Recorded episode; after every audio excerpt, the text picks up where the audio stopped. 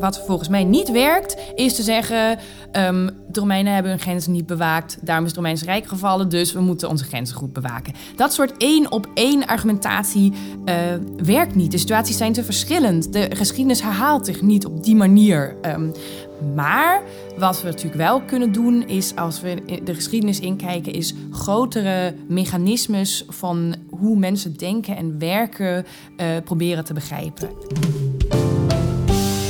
Al dus Bettina Rijts-Joosen, klassica en als universitair docent Latijnse taal en letterkunde verbonden aan de Rijksuniversiteit Groningen. Ze bestudeert Latijnse teksten in combinatie met materiële bronnen uit de oudheid. En daarbij richt ze zich vooral op twee thema's: Romeinse bouwprojecten en slagvelden. Dit is de podcast van Wetenschap.nu. Welkom, mijn naam is Karin van der Boogaard. Tegenover mij zit Bettina Rijtsjoos in een kamertje van de faculteit Letteren in Groningen. Uh, welkom Bettina. Uh, je bent hier op eigen terrein. Uh, je noemt jezelf met hart en ziel een klassica. Wat betekent dat voor jou? Ik vind mijn vak gewoon verschrikkelijk leuk. Ik hou van wat ik doe.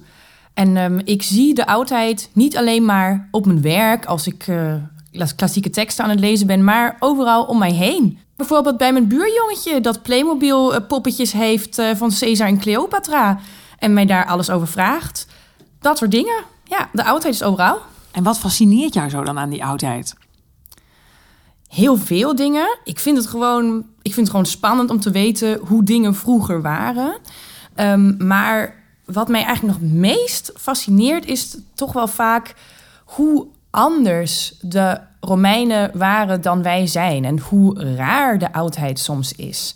Dat zit hem in hele grote dingen. En misschien mag ik straks wel iets vertellen over mijn onderzoek naar, naar oorlogsherinnering bij de Romeinen en hoe anders dat ging dan bij ons.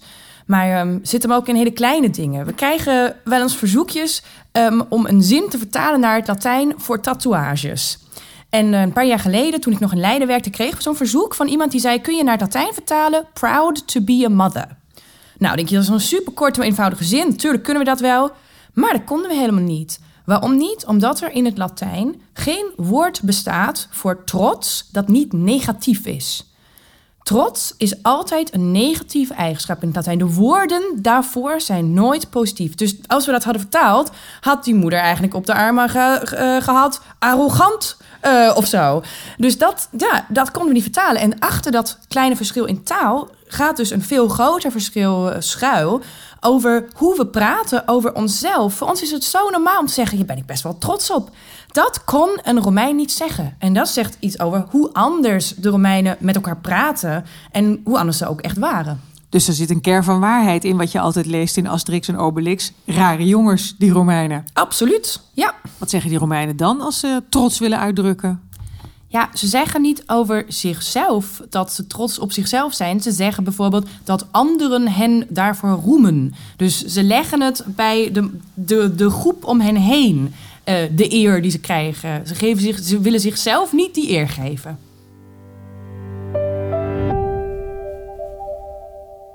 Bettina Rijtsjoos heeft een fascinatie voor de Romeinen, dat heb je net uh, verteld. En met name die Romeinse oorlogen en wat er gebeurde op de slagvelden van de Romeinen. Je kijkt in je onderzoek vooral naar klassieke literatuur om erachter te komen hoe de Romeinen die wereld om zich heen zagen. En dan met name die uh, oorlogen.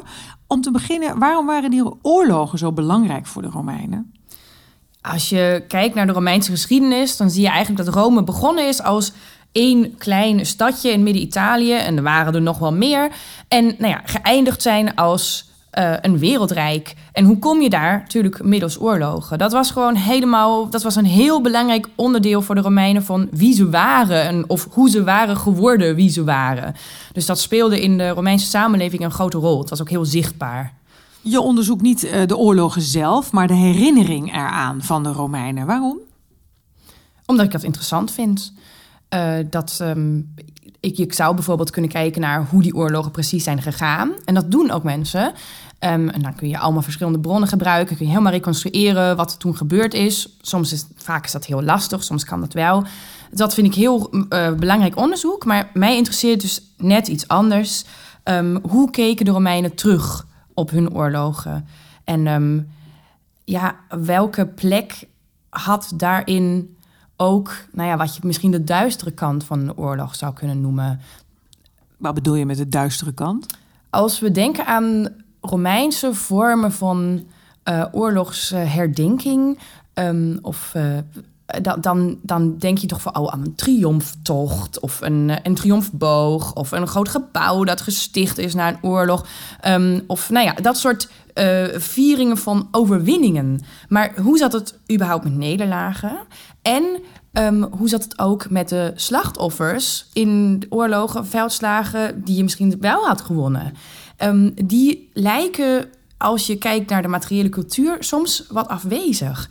En dat is voor ons, huidigen, soms raar en moeilijk te begrijpen. Want als, als je kijkt wat op 4 mei gebeurt, dat is de dodenherdenking. Dat is voor ons het meest belangrijke wat we ons herinneren als we, ons, als we terugkijken op, op de oorlogen. En dat hadden die Romeinen niet? Nee, dat hadden de Romeinen niet. Tenminste, Misschien wel. Meer dan we, dan we zouden kunnen denken, maar zeker niet in de vorm die wij nu hebben. Dat belang van het individu, het, de nadruk op individuele slachtoffers in onze uh, vormen van oorlogsherdenking, die hadden de Romeinen tot op deze hoogte zeker niet.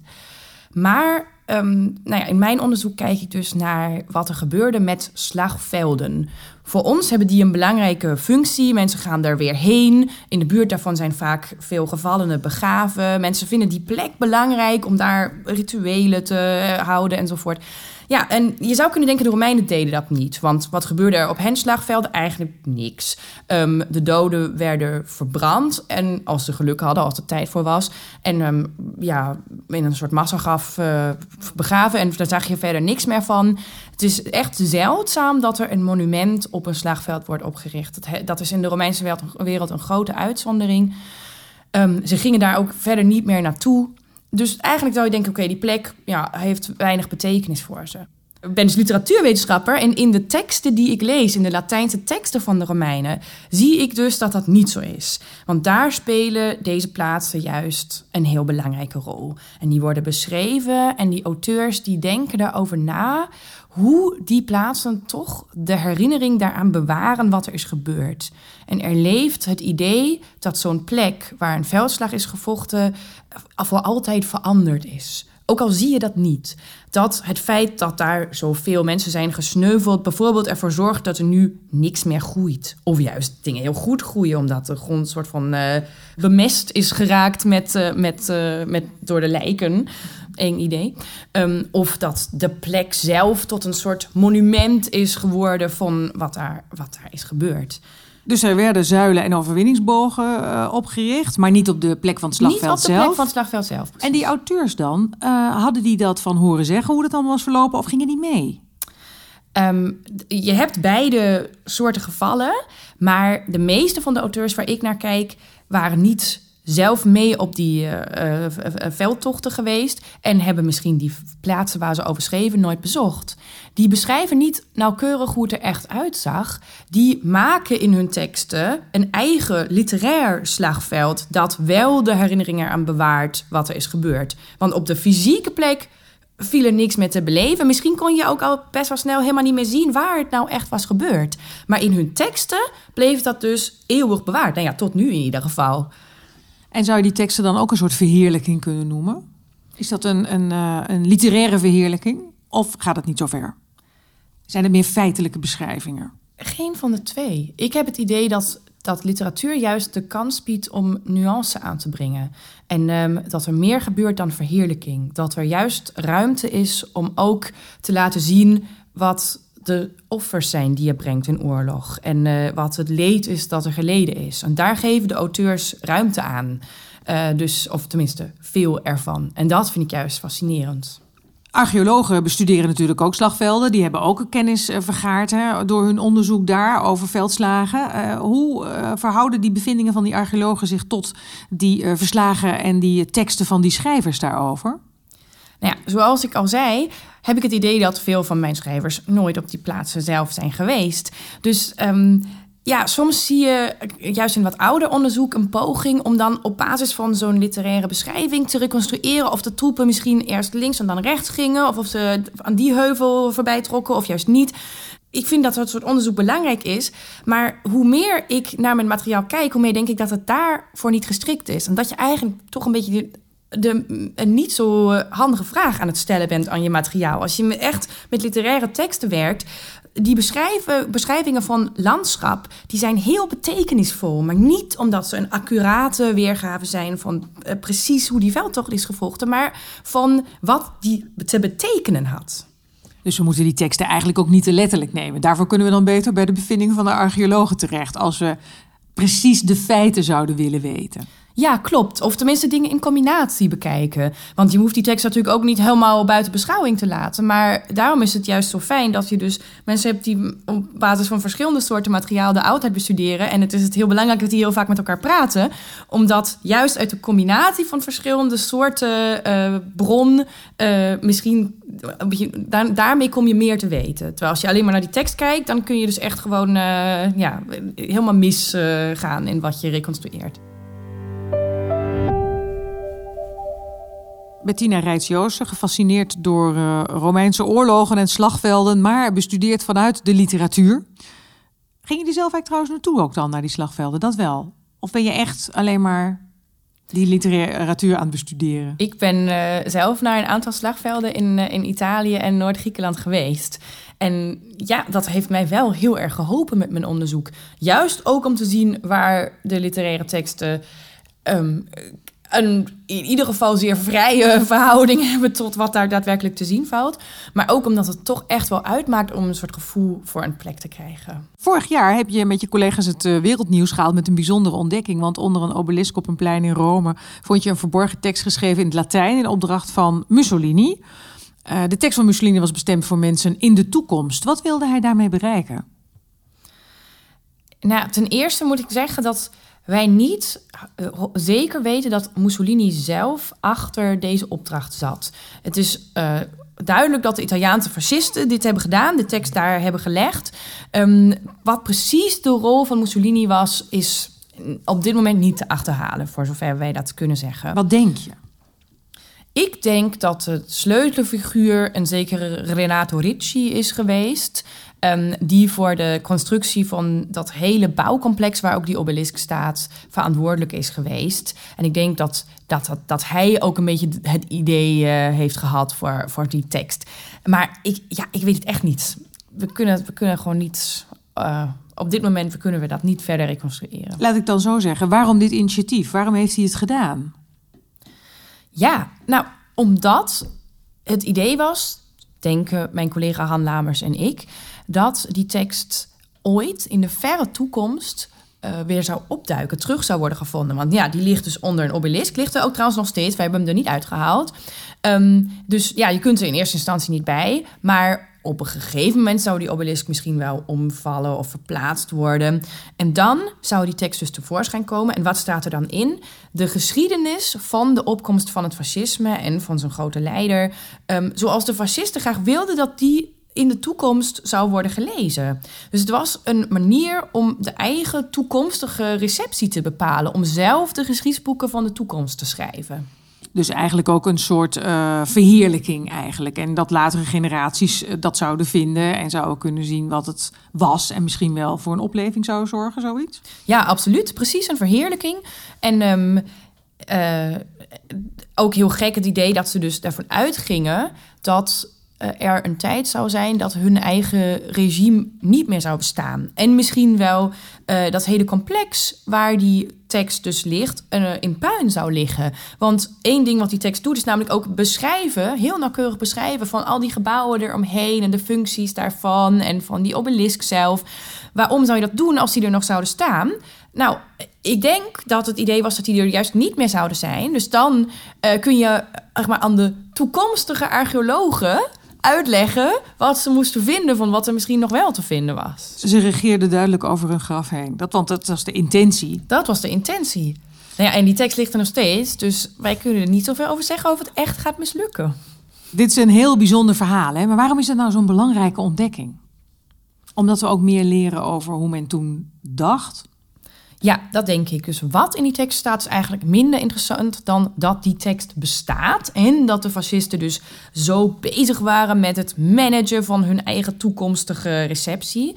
En voor mij als Latiniste is het natuurlijk ook ontzettend interessant dat die tekst in het Latijn gesteld is. En um, ja, dat, daar, dat gegeven heb ik samen met Han Labas verder onderzocht. Waarom in het Latijn? Als je een toekomstboodschap stuurt. Um, nou ja, er zijn verschillende redenen voor. Dat is de taal van de Romeinen. En de Italiaanse fascisten zochten aansluiting bij de, bij de Romeinen. Ze hadden eigenlijk ja, de ambitie om het soort wereldrijk dat de Romeinen hadden, misschien wel weer in ere te herstellen. Um, en um, het, ja, dat Latijn leek hen ook een soort eeuwige taal. Bestond al heel lang, dus zou vast ook in de toekomst nog heel lang bestaan en dus nog gelezen kunnen worden. Maar het Latijn werd door de fascisten ook als een, ja, een intrinsiek fascistische taal uh, gezien of beschreven. Als een taal die speciaal geschikt was om fascistisch gedachtegoed in te, te, uh, ja, te over te brengen. Ja, en toen zijn Han en ik op zoek gegaan naar nog meer teksten in het Latijn uit die tijd. En wat blijkt, het zijn er echt heel veel. Er is een hele Latijnse literatuur uit het Italiaanse fascisme. Uh, epen over de oorlogen in Afrika, lofgedichten op Mussolini, speeches over bouwprojecten. Er is van alles in het Latijn. Maar je zegt nou toch niet dat Latijn een fascistische taal is? Nee, dat zeg ik niet. Maar ik zeg dat de fascisten zeiden dat het zo was. En wat zegt dat over hen? Of over die Romeinen? Nou, de fascisten waren dus best wel handig in het gebruiken van de oudheid. Dat moet je wel, moet je wel zeggen. Um, de naam van de fascisten is, wordt al, kun je al terugleiden naar de Faaskees. Dat is een Romeins symbool van macht, een roedebundel. En um, ja, in alles wat ze deden probeerden ze um, ja, rechtvaardiging te zoeken bij hun, hun grote voorouders, de Romeinen. En ja, dat lukte ze eigenlijk heel goed. En dat was ook een manier om een, om een soort groepsidentiteit te stichten voor de Italianen. Wij zijn speciaal, want wij zijn de erfgenamen van, van de Romeinen. Daar kreeg het Latijn een belangrijke rol in. Ze dachten zelfs dat als je Latijn zou leren op school, dat je dan daarvan een betere fascist zou worden. Dus juist door het Latijn leren zou je iets van, dat Romeinse, van die Romeinse deugden in je opnemen. Zoals de fascisten vonden dat de Romeinse deugden eruit zagen. En dan zou je een betere fascist van worden. Ja, wij denken dat het heel gek is. Uh, maar uh, voor hen was het dus uh, niet zo raar. Nou, niet misschien heel gek, want dat grijpt natuurlijk ook terug op een zeer succesvolle periode. Iets wat je voor jezelf ook wil. Dat wilden die fascisten natuurlijk ook. Dus die dachten wellicht, kijk, toen was dat ook zo. Dus ik adopteer uh, het gereedschap van die tijd en dan ben ik ook succesvol. Ja, ik denk dat dat er zeker in zit. Absoluut. Ja.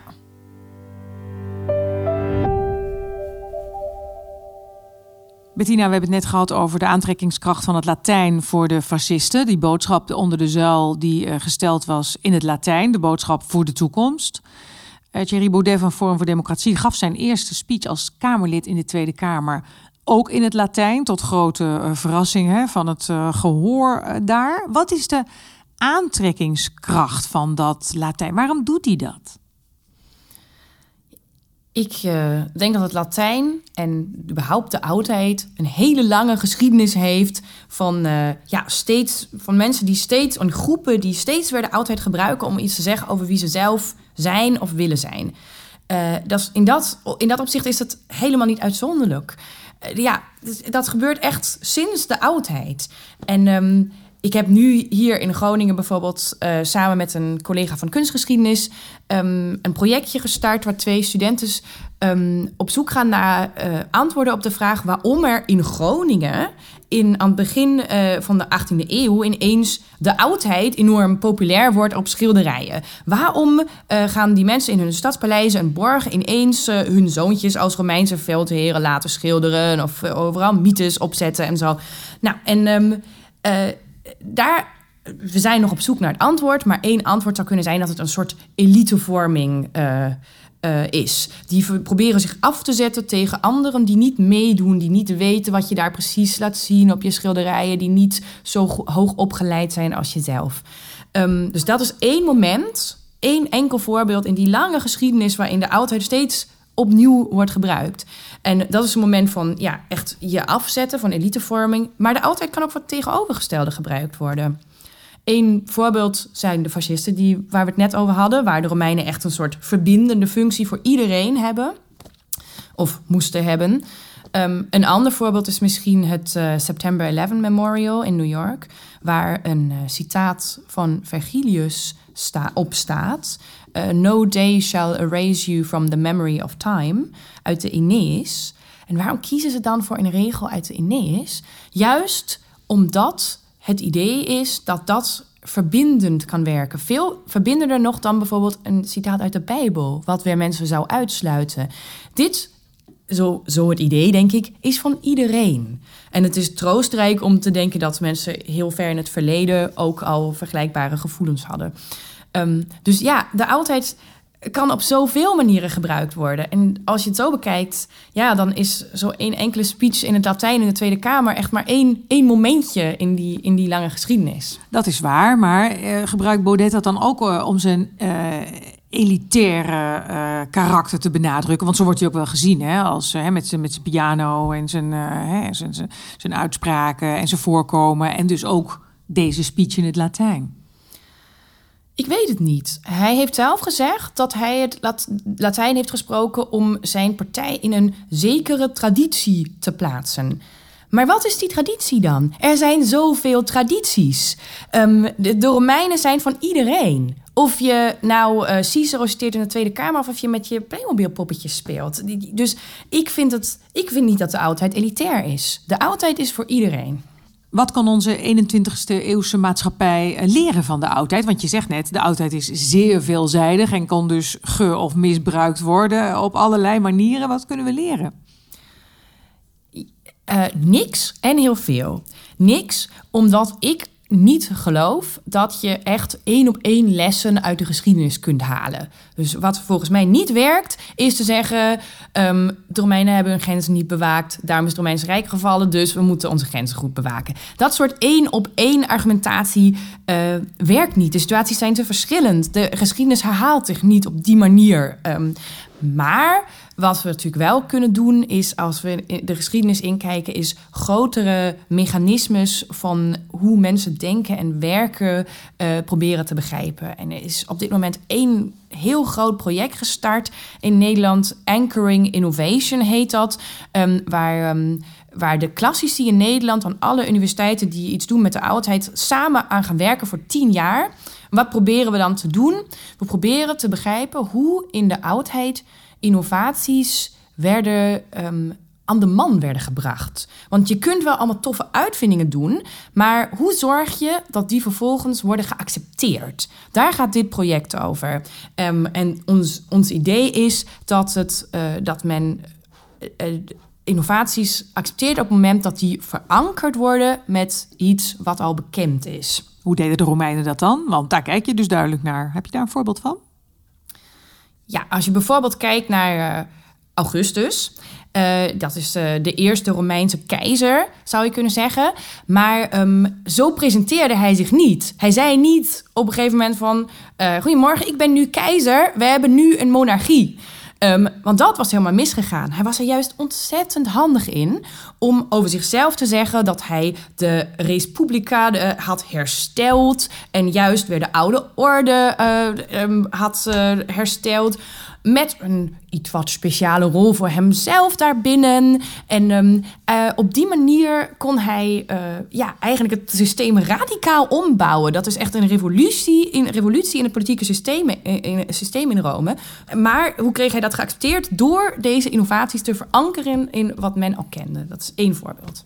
Het is een langlopend project, 10 jaar, 18 miljoen euro maar liefst heeft NWO ervoor beschikbaar gesteld. Een prachtig project. En ik dacht eerst, toen jij het noemde, innovatie en oudheid, dacht ik, er zit een tegenstelling uh, in die uh, thematiek. Maar dat is dus helemaal niet zo. Innovatiespecialisten nu kunnen leren van de oudheid hoe ze nu innovaties kunnen doorvoeren en hoe ze dat uh, acceptabel kunnen maken. Dat hopen wij.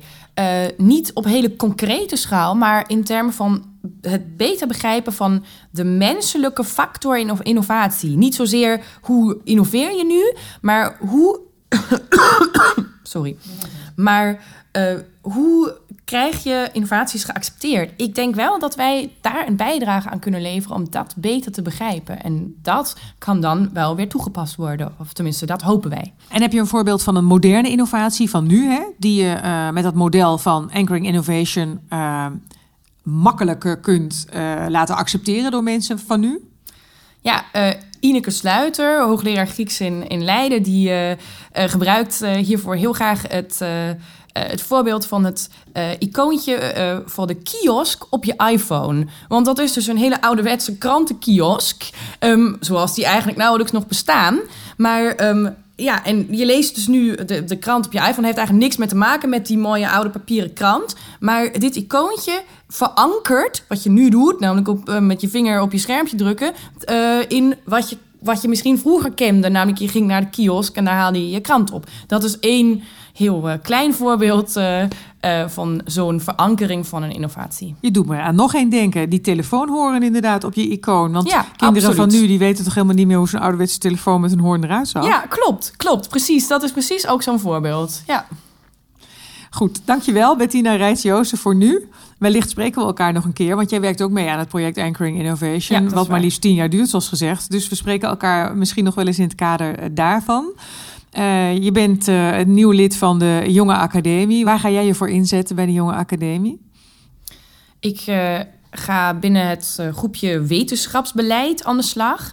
En um, ja, ga ik hopelijk van alles doen. Maar wat ik misschien kan meenemen, is dat ik niet uit Nederland kom. Ik ben Duitse. Ik heb in Engeland gestudeerd en daarna nog in de VS gewerkt. Dus ja, ik kijk ook vaak nog een beetje als een buitenstaander naar het Nederlandse systeem. En dat kan soms denk ik wel, ja, handige inzichten opleveren. Of in ieder geval ga je dan dingen die uh, eerst vanzelfsprekend lijken, ineens niet meer zo vanzelfsprekend vinden. Net als als je naar de Romeinen kijkt en dan uh, jezelf ineens niet meer zo vanzelfsprekend vindt. Dus dat helpt je soms misschien, als je met de blik van buiten kijkt, om te zien wat, je, wat hier juist bijzonder is, wat we juist moeten koesteren. Maar ook waar je het misschien nog eens een keertje over zou kunnen hebben. Een verfrissende blik van Bettina rijts Nou, daar zijn we denk ik eh, heel blij mee. Dankjewel voor dit gesprek. Jij ook bedankt. En tegen degenen die dit beluisterd hebben zeg ik... vergeet niet je te abonneren op onze podcast. We zijn te vinden in onder meer iTunes, de podcast-app, Stitcher en Soundcloud. En laat ook eventueel een recensie achter. Dat helpt ons om hoger in de iTunes-ranking te komen. Wil je reageren op wat je hebt gehoord in deze podcast? Dat kan via Facebook en Twitter. Dank voor het luisteren.